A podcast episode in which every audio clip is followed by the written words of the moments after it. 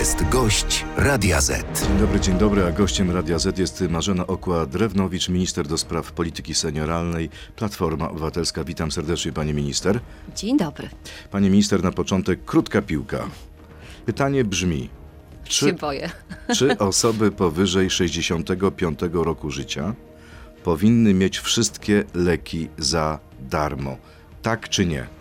Absolutnie do tego powinniśmy dążyć. E, na dzisiaj trzeba e, przejrzeć ten koszyk e, lekowy, który jest, tak żeby nie było takiej fikcji, że te leki 75 plus są darmowe, bo wiemy, że są tylko te, które są które są mniej skuteczne i starej generacji. Czyli tak. Do tego powinniśmy dążyć. Do tego powinniśmy dążyć, odpowiada nasz gość. To jest również pytanie do Państwa. Zapraszam na stronę radioz.pl. Powtórzę pytanie, czy osoby powyżej 65 roku życia powinny mieć wszystkie leki e, za darmo? Dzisiaj w tej chwili e, ten przywilej dotyczy 75-latków i też nie wszystkie leki. No właśnie i to jest ten problem, że po pierwsze y, te darmowe leki dotyczą, y, niestety obejmują te leki, które są starszej generacji, które są najtańsze. Efekt jest tego taki, że te, które są nowszej generacji, są bardziej skuteczne, one są też droższe. Więc y, ja dzisiaj wierzę w to i wiem, że tak na pewno jest, że nowa pani minister zdrowia dokona tej rewizji i odpowiednie propozycje z jej strony na pewno będą. Czy ma Pani jakąś dobrą wiadomość dla seniorów? Właściwie kto dla Pani jest seniorem dzisiaj? To są osoby powyżej 60-65 roku życia? Zgodnie z ustawą o osobach starszych, y, osobą starszą jest osoba powyżej 60 roku życia, ale zwróćmy uwagę e, na to, jak y, różnie funkcjonują osoby powyżej 60 roku życia. Jak wiele mają, e, jedni oczywiście potrzebują opieki, pomocy osób y, trzecich, drugich, ale też jest wiele osób bardzo aktywnych i oni chcą być aktywni, więc to jest dość indywidualna kwestia kwestia. No, niektórzy, ja znam starców w wieku 25 lat, a młodziaków w wieku 80. E, tak. E, dzisiaj na przykład wchodząc do Państwa rozmawiałam z panem, który pracuje i wspólnie z nim jechałam tutaj do Państwa na piętro, rozmawialiśmy e, i jest aktywny zawodowo. Ma, na, na pewno jest w wieku e, już e, emerytalnym. Czy seniorzy mogą liczyć na bon? 500 plus, 800 plus, 1000 plus. Czy będzie coś takiego jak bon senioralny? Tak, Najważniejsze jest to, żebyśmy w końcu wprowadzali rozwiązania systemowe. Nie sztuką jest wydrukować pieniądze, nie sztuką jest dokonać transferów finansowych. Oczywiście w dobie inflacji jest e, e, trzynastki, czternastki były bardzo ważne, ponieważ e, no, w jakiś sposób rekompensowały, choć wiemy, że w niewielki sposób, w niewielkiej części stopni rekompensowały tą galopującą inflację i tą olbrzymią drożyznę. Natomiast no, odpowiedzmy sobie, czy za trzynastkę, czternastkę osoba, która potrzebuje opieki, e, jest w stanie sobie zapewnić usługi opiekuńcze w miejscu zamieszkania? No nie. Więc dlatego musimy wprowadzić rozwiązanie, które pozwoli osobie, która potrzebuje wsparcia, a jej bliscy pracują, mieć dodatkowe usługi opiekuńcze w miejscu zamieszkania. Jak to konkretnie może wyglądać? Wyobraźmy sobie sytuację. Dana e, osoba e, potrzebuje opieki. Jej bliska osoba szczególnie dzisiaj, bliscy mieszkają poza miejscem zamieszkania, często w innym regionie i chcieliby zająć się tą osobą, ale nie są w stanie, bo są aktywni zawodowo. Dzisiaj bardzo często... Często to są relacje e, dzieci-rodzice. Oczywiście, że tak. E, I często właśnie dotyczy to kobiet, które stają przed dylematem, czy dalej pracować, czy tę pracę zostawić i zająć się osobą bliską. Więc chodzi o to, żeby w pierwszej kolejności taki bon skierować do tych osób, które pracują, czy też do seniorów, których bliscy, osoby zobowiązane do alimentacji pracują, tak żeby samorządy miały pieniądze na dodatkowe godziny usług opiekuńczych. Ile będzie wynosić ten bon? Rozumiem, że tego bonu nie otrzymamy w sensie gotówki. Nie.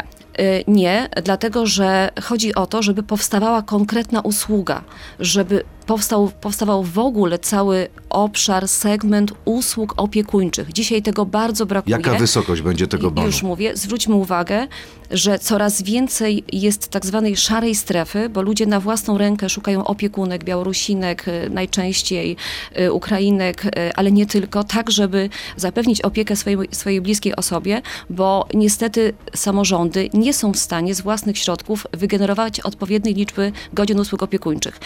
Osoby, które będą potrzebowały największej liczby godzin usług opiekuńczych, y, przewidujemy dzisiaj, że taki bon może y, być o wartości połowy minimalnego wynagrodzenia. Połowy minimalnego wynagrodzenia, czyli minimalne wynagrodzenie... Około 2000. Około 2000. To dużo. Ale co z tymi dwoma tysiącami możemy zrobić realnie? Samorząd y, y, po raz pierwszy będzie miał y, w takiej wysokości, oczywiście to jest na etapie wszystko konsultacje, bo pamiętajmy, że tak, projekt będzie przygotowany w ciągu tych pierwszych 100 dni, tak jak obiecaliśmy. Nad tym projektem czuwa innymi pani profesor Agnieszka Chłoń-Dominczak, bo to jest tak, że ten projekt, nad tym projektem pracuje też grupa ekspertów. Bardzo ważne jest to, żeby projekt był bardzo mocno skonsultowany, kiedy już będzie gotowy ze stroną samorządową, ale oczywiście z, z, nie tylko, w ogóle ze stroną społeczną, bo wprowadzać rozwiązania systemowe nie jest oczywiście łatwo. Kiedy jest szansa na to, że ta ustawa o tym bonie będzie uchwalona? To jest kwestia tygodni, miesięcy? Ja myślę, że miesięcy oczywiście, dlatego że wymaga bardzo szerokich konsultacji. Do tej pory samorządy realizowały usługi opiekuńcze tylko i wyłącznie ze środków własnych, bo jest to, przypominam, zadanie własne gminy. Takiego mechanizmu jeszcze nie było. W stu konkretach na 100 dni była też państwa obietnica emerytury do 5 tysięcy brutto bez podatku. Będzie czy nie będzie? Chyba nie ma szans. E, Nad wszystkimi rozwiązaniami czy też propozycjami, które e, składaliśmy, e, nie- niektóre są już realizowane i już znalazły odzwierciedlenie w tym budżecie, bo przypominam, że my budżet odziedziczyliśmy po poprzedniej władzy i wiemy, że nie było łatwo, a mimo wszystko w tym budżecie mamy i podwyżki dla nauczycieli, i podwyżki dla... Ale realizacji tej obietnicy nie będzie. Pracujemy nad każdą z obietnic, którą, którą złożyliśmy. Ale w, w ciągu 100 dni? Y, Jeszcze 100 dni się nie zakończyło, chciałam powiedzieć, natomiast Mamy około 60 chyba. E, Ja też, Jeszcze. te, też, bon sen, też, też bon senioralny y, jeszcze nie jest gotowy w sensie projektu, a będzie gotowy. Kiedy będą mniejsze kolejki dla seniorów, do specjalistów szpitali i przychodni? Jest na to szansa, bo to jest taka wspólna działka i pani minister, i pani minister Leszczyny. Oczywiście, że tak. E, dlatego i w tym tygodniu by- byłam na spotkaniu w Ministerstwie Zdrowia, spotkałam się z panią minister Leszczyną, e, z udziałem jeszcze pani profesor Katarzyny Wieczorowskiej-Tobis i rozmawiałyśmy właśnie o kwestiach kolejek, ale w przypadku seniorów bardzo ważna jest kwestia opieki geriatrycznej. To wszystko się wiąże ze sobą. Obiecaliście więcej geriatrów dzięki Tak, unijnym środkom oczywiście. przez pierwsze 100 dni. Oczywiście. Będzie zrealizowana ta Oczywi- obietnica, czy nie? Właśnie dlatego to spotkanie było i dlatego y, dzisiaj będziemy występować, ja będę osobiście występowała z wnioskiem o powołanie zespołu międzyresortowego, tak żeby byli przedstawiciele i Ministerstwa Zdrowia i Pracy, Ministerstwa Rodziny, Pracy i Polityki Społecznej i ekspertów, tak abyśmy mogli całą opiekę długoterminową przejrzeć i tam, gdzie są te luki, żebyśmy byli gotowi z konkretnymi rozwiązaniami. No, jeśli nas słuchają przeglądu. seniorzy w tym momencie, to mogą zadać pytanie, kiedy ja dostanę się szybciej do specjalisty? Czy to jest kwestia pół roku, roku, czterech lat? Bo wszyscy obiecują, wszyscy politycy obiecują, tylko nic z tego nie wychodzi. Mówiliśmy, że w przypadku opieki długoterminowej e, potrzebne są też środki unijne. Przypominam, że pierwsze środki już spływają, więc krok po kroku wszystko realizujemy. Adrian Zandberg tutaj w tym studiu wczoraj w Radiu Z u Beaty Lubeckiej powiedział, że w uchwalonym budżecie są za małe nakłady na ochronę zdrowia i za te pieniądze nie da się skrócić kolejek. Może mydlicie ludziom oczy. No właśnie w tym, w tym budżecie jest rekordowa kwota, jeśli chodzi o nakłady na e, ochronę zdrowia i, i, i na ten rok 2024 jest więcej środków niż w roku 2023. Ale lider partii Razem mówi, że nie da się dzięki tym pieniądzom skrócić kolejek. Do lekarzy. Y, Pieniądze to jedno, ale organizacja systemu ochrony zdrowia to jest drugie i to musi iść w parze i nad tym pani minister zdrowia pracuje. A my Pani- w tym uczestniczymy, tworząc zespół właśnie y, do spraw opieki długoterminowej. Pani minister, pora na krótką piłkę, odsłonę e, numer dwa. Tutaj naprawdę bardzo proszę o krótkie odpowiedzi, tak albo nie. Najbardziej seniorom pomogło Prawo i Sprawiedliwość, tak czy nie? Nie. Minister Bodnar powinien zwolnić byłych szefów CBA z więzienia, tak czy nie? Nie. Wyroki Trybunału Konstytucyjnego to dla mnie dzisiaj świstki papieru, tak czy nie? To nie jest Trybunał Konstytucyjny. Czyli świstki papieru, tak. Tak, to nie jest Trybunał Konstytucyjny. I mamy odpowiedź- To jest Trybunał Julii Przyłębskiej. I mamy odpowiedź. y, Usiłuję właśnie wejść na naszą stronę internetową. Czy osoby powyżej 65 roku życia powinny mieć wszystkie leki za darmo? Tak odpowiada 58% uczestników naszej sądy, nie odpowiada 42%. Gorący komentarz do tego wyniku już w części internetowej naszej rozmowy. Zapraszam Państwa na Radio Z.pl, Facebooka i YouTube'a. To jest gość Radia Z. No właśnie, można pani minister powiedzieć tak 50-50. No przewaga oczywiście tych, którzy uważają, że tak powinno e, być. E, I pytanie oczywiście dodatkowe, czy państwo na to stać? Znaczy, ja mówię, do tego powinniśmy, żo- powinniśmy dążyć, ale to jest kwestia oczywiście środków finansowych, to jest kwestia kryterium wieku nie tu i teraz. Znaczy, siedem- dzisiaj mamy 75 y, y, plus i przede wszystkim powinniśmy zrewidować ten koszyk y, lekowy, który jest. I to jest priorytet. Natomiast krok po kroku oczywiście y, powinniśmy dokonywać przeglądu i patrzeć, na ile jesteśmy w stanie się przesuwać w, W latach. jakiej sytuacji dzisiaj finansowej są seniorzy w porównaniu z tym, co było pod koniec rządów poprzednich platformy? No niestety. Lepszej czy gorszej? E, No niestety są w gorszej sytuacji. Gorszej? Tak. I, e, na Trzynastka, przykład czternastka, różne dodatki, programy społeczne PiSu nic nie zrobiły? E, analizy choćby Instytutu Emerytalnego wskazują na to, że jest coraz większa dysproporcja różnica e, w, między lata, była większa dysproporcja różnica między na przykład minimalnym wynagrodzeniem a najniższą emeryturą, między średnim wynagrodzeniem a właśnie średnią, przeciętną emeryturą.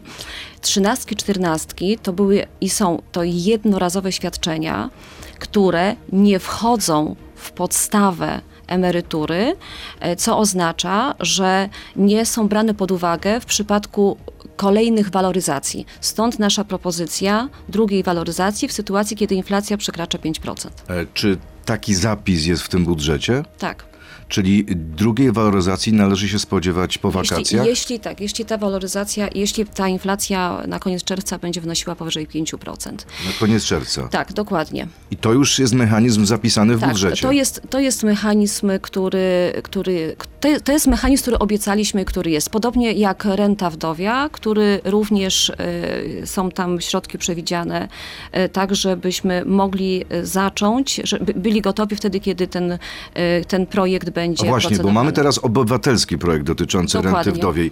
Czy ten obywatelski projekt będzie poparty przez koalicję rządzącą? Bo w, w tym momencie pomysł tego projektu jest taki, by wdowcy mogli zachować swoje emerytury i powiększyć je o 50% renty rodzinnej po zmarłym małżonku.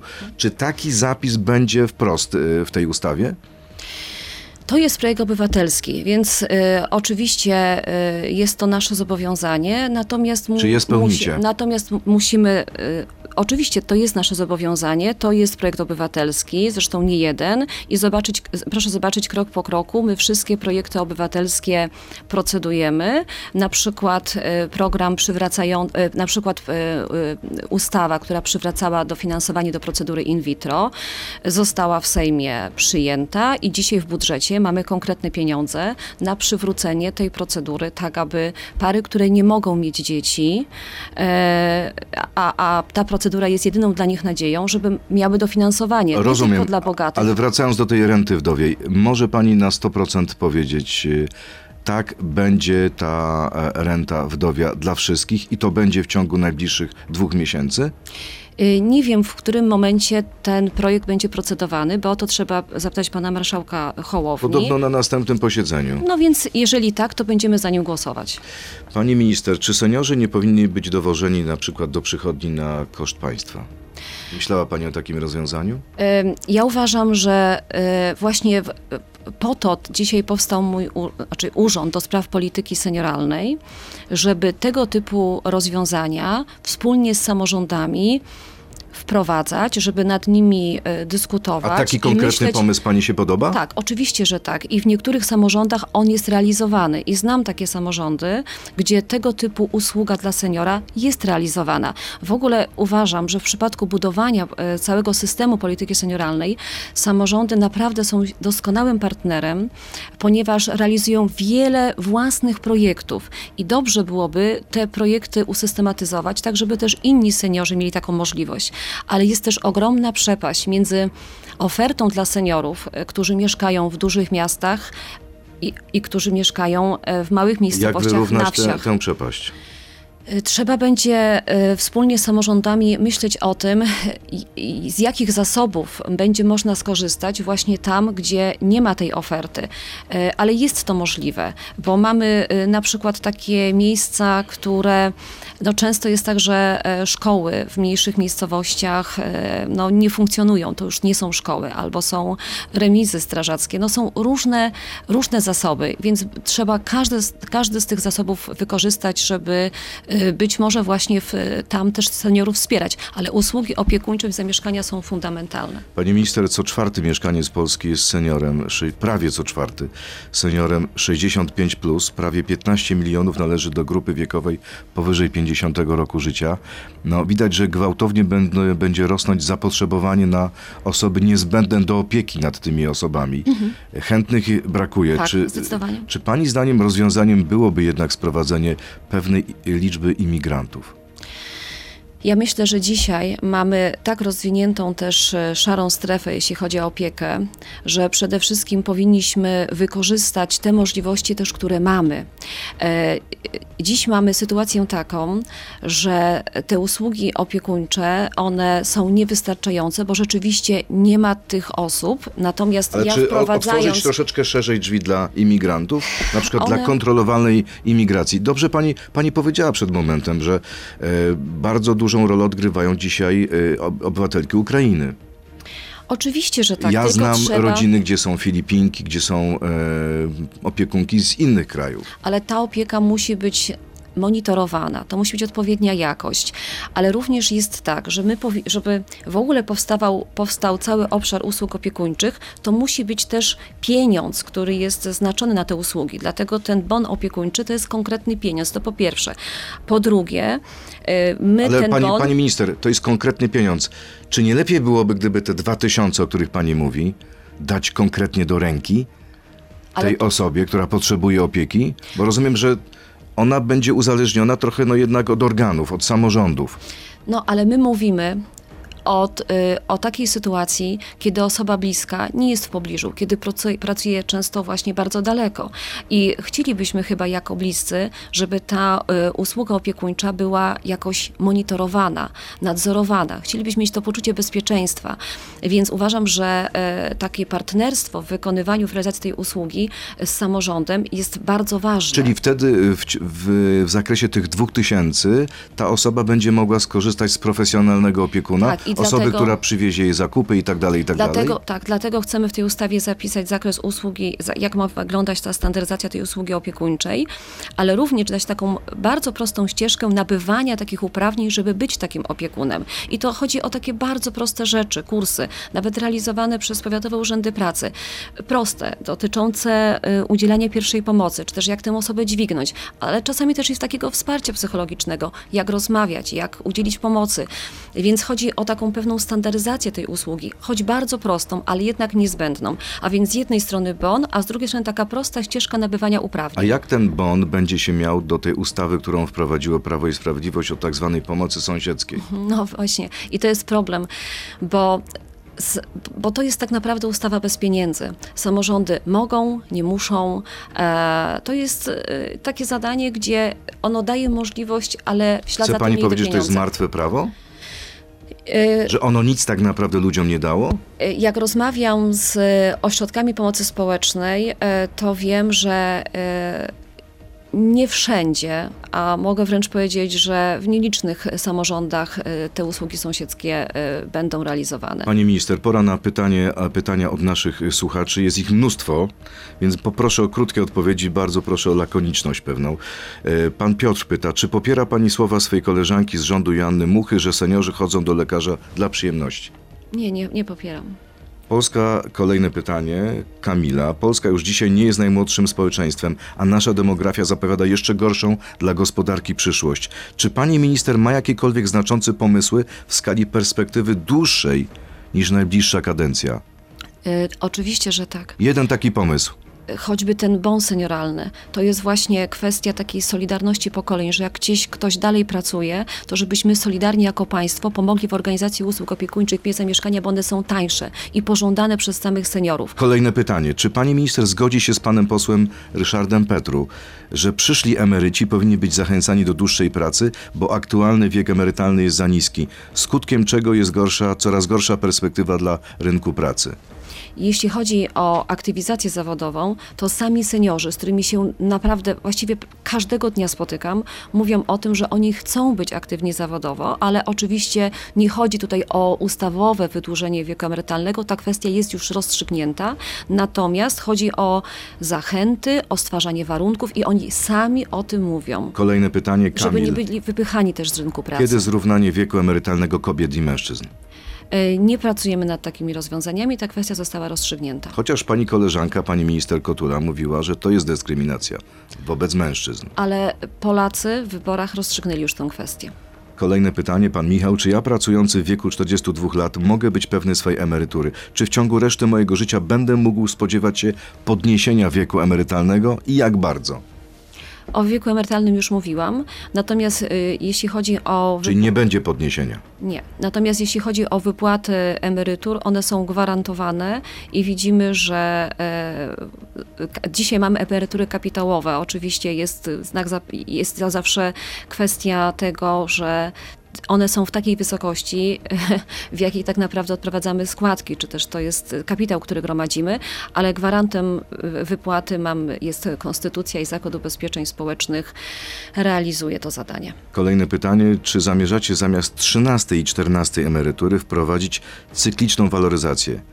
Jak tak, jeśli tak, to kiedy się tego spodziewać? Będzie zlikwidowana 13 i 14 i zamiast tego waloryzacja, czy nie? Nie, nie. Tak, Nie jak, tak, jak, mówi- tego? tak jak mówiliśmy, wszystko co e, dane nie będzie zabrane, pozostaje, ale to nie oznacza, że nie będziemy wprowadzać rozwiązań systemowych. Są one trudniejsze, ale na pewno jest to lepsze rozwiązanie i dla ludzi, i dla społeczeństwa. Pan Mariusz, czy zlikwidujecie dodatek dla stulatków? Pani wie, że jest taki dodatek? Nie, nie będziemy niczego likwidować. No dobrze, ale jest taki pomysł też Solidarności, która mówi 900 plus dla seniorów, bo są dodatki dla poszczególnych grup wiekowych, że zamiast tej renty wdowiej lepiej byłoby wprowadzić w zależności od tego, czy ktoś skończył 80, 85, 90 lat, takie dodatki. Czyli to jest pomysł? Solidarności. Solidarności. E, Dzisiaj dobrze byłoby, żebyśmy wspólnie porozmawiali właśnie w, w perspektywie tych zmian demograficznych o rozwiązaniach systemowych. To jest bardzo ważne. Czy uważa Pani za słuszne przywrócenie emerytur byłym komunistom, którzy z tak wielkim oddaniem służyli władzy PZPR, byłym funkcjonariuszom służby SB, którzy robili to, co robili świadomie, z pełnym zaangażowaniem? Wszyscy, którzy Pyta zostali Michał. E, pozytywnie zweryfikowani już w wolnej Polsce, e, dzisiaj, e, kiedy stracili należne im tak naprawdę świadczenia, dochodzą swoich praw w sądach, wygrywają te sprawy i to państwo polskie, my wszyscy, wypłacamy im odszkodowania. A propos bonu, Ron pyta, czy bon senioralny to nie jest kolejny program socjalny i rozdawnictwo, za które tak krytykowaliście Prawo i Sprawiedliwość? Kiedy państwo wprowadzi jakieś ulgi dla przedsiębiorców i pracujących, którzy muszą te wszystkie programy finansować, a którzy są przez polityków non-stop ignorowani? No właśnie. Ten bon e, to nie jest pieniądz dla e, bezpośrednio przekierowywany, transferowany, tylko to jest pieniądz na usługę e, i za coś, właśnie za pracę. Jest to po raz pierwszy takie rozwiązanie, e, które przysłu- jeśli chodzi o opiekę senioralną, które przysługuje wtedy, kiedy osoba bliska pracuje. Czyli nie jest to Więc rozdawnictwo. no, Zależy nam chyba na tym, żeby ludzie pracowali e, i w sytuacji, kiedy mamy takie niekorzystne zmiany demograficzne, to kiedy ktoś odprowadza podatki i płaci składki, to solidarnie powinniśmy pomóc w tym, aby organizować, pomóc w organizacji opieki nad ich bliskim, na- nad jego bliskim. Kolejne pytanie. King of Warmia. Czy jest pani za tym, aby każdy poseł przed obradami Sejmu był badany na obecność narkotyków w organizmie? Nie widzę takiej potrzeby. Jestem od 16 lat i y, nie widzę takiej potrzeby. A słyszała pani wystąpienie posła y, PiSu, pana Wosia, byłego wiceministra, który po, m, domaga się od pana ministra Sienkiewicza przeprowadzenia specjalnych badań? Uważa pani, że to jest dobry pomysł czy zły? Jak pan minister Sienkiewicz powinien odpowiedzieć na ten apel? Pan minister Sienkiewicz ma naprawdę bardzo trudne zadanie i jest y, bardzo, powiedziałabym, konsekwentny w tym, co robi. Y, I, dzisiaj myślę, że my głosując właśnie nad tym y, wotum, pokazaliśmy, że wszyscy stoimy za nim murem. We wczorajszym wywiadzie kolejne pytanie. Pan Jan Grabiec mówił, że cena benzyny po 5 zł nie jest dzisiaj możliwa, ale była według waszych wyliczeń możliwa w dniu, w którym obiecywał to Donald Tusk. Jak to wtedy policzyliście, skoro cena za baryłkę ropy jest teraz niższa niż w dniu, kiedy obiecywaliście paliwo po 5 zł? Czyli kiedy będzie paliwo po 5 zł, zgodnie z obietnicą Donalda Tuska? Y, Przede wszystkim dzisiaj porządkujemy te wszystkie y, działania i różne y, dziwne metody, które były stosowane w Orlenie, tak żeby rzeczywiście te prawa rynku i normalne funkcjonowanie również i Orlenu miało miejsce i wtedy będziemy mogli mówić o tym, że bez żadnych zewnętrznych wpływów i własnych interesów będzie cena benzyny taka, jaka powinna być. Były już złotych. Czynności CBA przeprowadzone wczoraj w siedzibie Orlenu. 6 bodajże lutego będzie walne zgromadzenie. Uważa pani, czy to jest przesądzone, że Skarb Państwa wystąpi odwołanie prezesa Obajtka? No, to jest w mojej ocenie to jest oczywiste. Przecież do tej pory znaczy to było niewyobrażalne, żeby nawet Najwyższa Izba Kontroli nie mogła wejść y, do spółki Skarbu Państwa. To są rzeczy niepojęte. To było jakieś księstwo, które funkcjonowało w naszym kraju. Kolejne pytanie, pan Michał. Pamiętam, jak Platforma mówiła, że Morawiecki spowodował największy deficyt budżetowy, a teraz Platforma go podnosi o 20 miliardów. Jak pani to skomentuje? Bardzo prosto. Przede wszystkim e, te, e, e, ten wzrost spowodowany jest programami społecznymi. To jest, to była nasza elementarna odpowiedzialność, żeby nauczyciele przez lata, mogę powiedzieć, ostatnie ci mężeni przez, ten, przez tą poprzednią władzę, mogli dostać w końcu podwyżki. To jest ponad 28 miliardów. Sfera budżetowa, dofinansowanie do in vitro, e, program aktywna, e, Aktywny Rodzic. To są same społeczne programy. To jest zrozumiałe, Nie będzie ale pamięta pani minister głosy państwa jeszcze przed objęciem władzy, przed 13 grudnia, którym mówiliście, że to, co zostawił wam Morawiecki, to jest po prostu katastrofa i dziura. Okazuje się, że nie ma żadnej dziury. Bez programów Albo można tę dziurę powiększyć. Bez tych programów społecznych, bez dobrze wygrana- wynagradzanych nauczycieli nie będzie dobrego rozwoju gospodarczego. Więc to był nasz obowiązek. To są tylko i wyłącznie programy społeczne. Czy uważa pani kolejne pytanie za sprawiedliwe uruchomienie darmowego przedszkola dla dzieci posłów, a każdy inny Polak musi za to płacić? Czy nie sądzi pani, że posła stać na opłacenie opiekunki czy przedszkola? A to wygląda jak dojenie krowy do końca, a kto inny płaci za mleko. E, To jest taki pokój opieki, powiedziałabym, e, ale uważam, że powinniśmy dążyć do tego, żeby w każdym zakładzie pracy, gdzie jest taka potrzeba, powstawały takie miejsca opieki nad dzieckiem, bo jeżeli mówimy o tym, żeby kobiety mogły godzić e, pracę zawodową z obowiązkami rodzinnymi, to powinniśmy do tego stwarzać warunki. I bardziej bym była w stronę, szła, szłabym w tę stronę, żeby takie pokoje były w innych zakładach pracy. O, to może jakaś. Rozumiem, że nie da się tego zrobić ustawą. Nie można nikogo Ale jest taka zmusić. możliwość, jest taka możliwość. W jaki sposób? Ustawa, na przykład mamy y, i mieliśmy takie dofinansowania, to my wprowadzaliśmy taki program jak y, Maluch, y, który właśnie y, dawał po raz pierwszy dofinansowanie i dofinansowania do żłobków, który, dzięki któremu tworzone są kluby dziecięce, czy też jest opiekun dzienny, więc my takie rozwiązania wprowadzaliśmy, czy też program Niania, który PiS zlikwidował o połowę, znaczy dofinansowanie zmniejszył o połowę. Przedostatnie expose Donalda Tuska z 2011 roku zawierało również 100 obietnic, ponad 71 z nich nie zostało spełnionych. Czy są szanse, że pobijecie rekord niespełnionych obietnic? Patrząc na uchwalony budżet, to jesteście na dobrej drodze do wyśrubowania rekordu. My spełniamy po kolei wszystkie obietnice. Przypominam, że e, przyjęliśmy budżet po PiSie i proszę sobie przypomnieć, w jakich warunkach i co się z nim działo, w jakich warunkach był on uchwalany na przełomie tak naprawdę roku.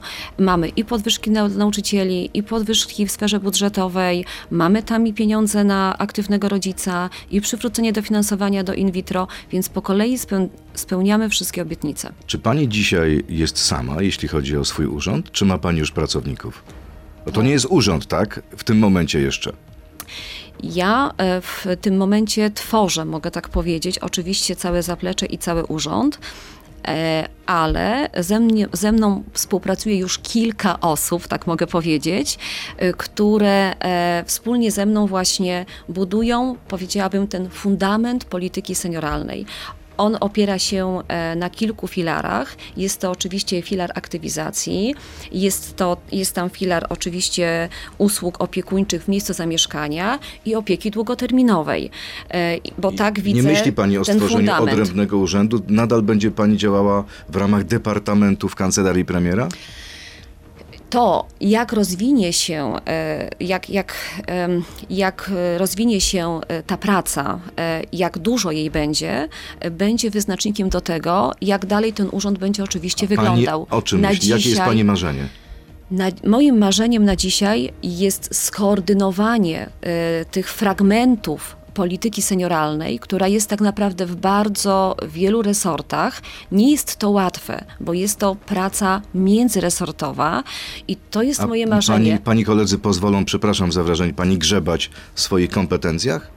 Y, Ale my wiemy, po co przyszliśmy wszyscy. To jest nasze wspólne zadanie. A będzie Pani takim, czy będzie, czy jest Pani nadministrem do spraw senioralnych? E, Jestem ministrem do spraw polityki senioralnej i dzisiaj mogę powiedzieć już, że jestem oczywiście po niejednym spotkaniu z pani, pani minister rodziny, pracy i polityki społecznej i z tego ministerstwa do kancelarii prezesa Rady Ministrów przejdzie Departament Polityki Senioralnej i aktywne i, i programy typu Aktywni Plus czy Senior Plus. Jestem po spotkaniu z panią minister zdrowia i razem będziemy budować ten zespół do spraw opieki długoterminowej i dokonywać przeglądu, ale również w poszczególnych innych ministerstwach są różne programy dla seniorów ja po kolei ze wszystkimi ministrami będę omawiać te ich, że tak powiem, działki i to koordynować. Więc to jest oczywiście trudność, ale wszyscy mamy świadomość, jak jest to ważne, żebyśmy na końcu naprawdę położyli ten fundament pod politykę senioralną. W tym roku podwyższone ma zostać kryterium uprawniające do pobierania 500 plus dla osób niezdolnych do samodzielnej egzystencji.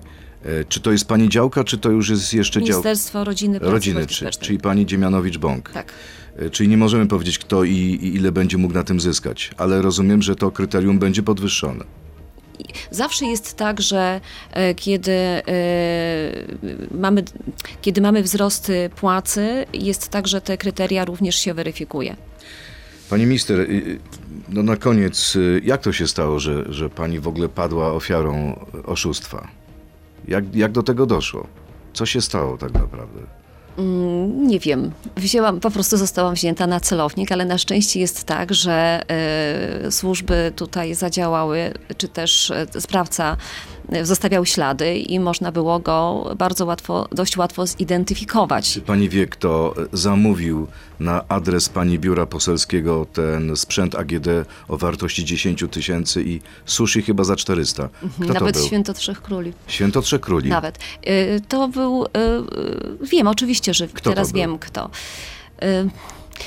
Na pewno ktoś, kto ogląda, z tego co wstępnie wiem, kto ogląda telewizję,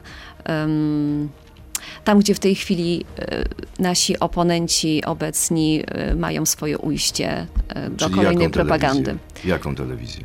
Telewizja Republika. I to była osoba, która oglądała telewizję Republika i chciała pani zrobić taki brzydki dowcip? że podobnie już było coś takiego, żeby zamawiać od tych, którzy wycofali się z reklam i nie odbierać. Tylko problem, dlaczego akurat e, na mnie zamawiać. Ale to skończyło się, rozumiem, tak, że sprawca został zidentyfikowany, grozi mu 8 lat więzienia, bo to nie jest tak naprawdę coś, za co się nie płaci. Tak, ale jesteśmy e, na etapie takim, żeby, mm, żeby dojść do jakiegoś porozumienia, jakiejś ugody. A, czyli jest pani gotowa dogadać ważne, się z tym ważne, sprawcą. żeby więcej już tego nie robił i żeby inni wiedzieli, że nikt w, sieci nie jest bezkarny. Czyli y, y, jeśli on dogada się z panią, na przykład co mógłby zrobić? Na przykład, znaczy nie chciałabym przesądzać co, bo to jest jeszcze kwestia rozmów między pełnomocnikami. Mhm. Czyli to byłoby tak, że gdyby on poszedł y, na porozumienie i ugodę z panią, to nie miałby sprawy karnej, tak? Tak. I pani jest gotowa to y, zaakceptować i dać mu jeszcze jedną szansę. Tak, natomiast no, ważne jest to, że e, przyznał się, ważne jest to, że jest gotowy. A przeprosił panią ugody. osobiście? Nie rozmawialiśmy. Ale przez kogoś? Przez adwokata? Nie rozmawialiśmy, nawet przez adwokatem nie rozmawiałam, rozmawiają pełnomocnicy. A lubi pani sushi? Lubię. A chyba nie w takich sytuacjach. Absolutnie nie. Bardzo dziękuję. Marzena Okład-Rewnowicz, e, minister do spraw polityki senior- senioralnej, Platforma Obywatelska. Bardzo dziękuję i miłego dnia. Wzajemnie. Dziękuję. To był gość Radia Z. Słuchaj nas w Radio Z i na player radioz.pl.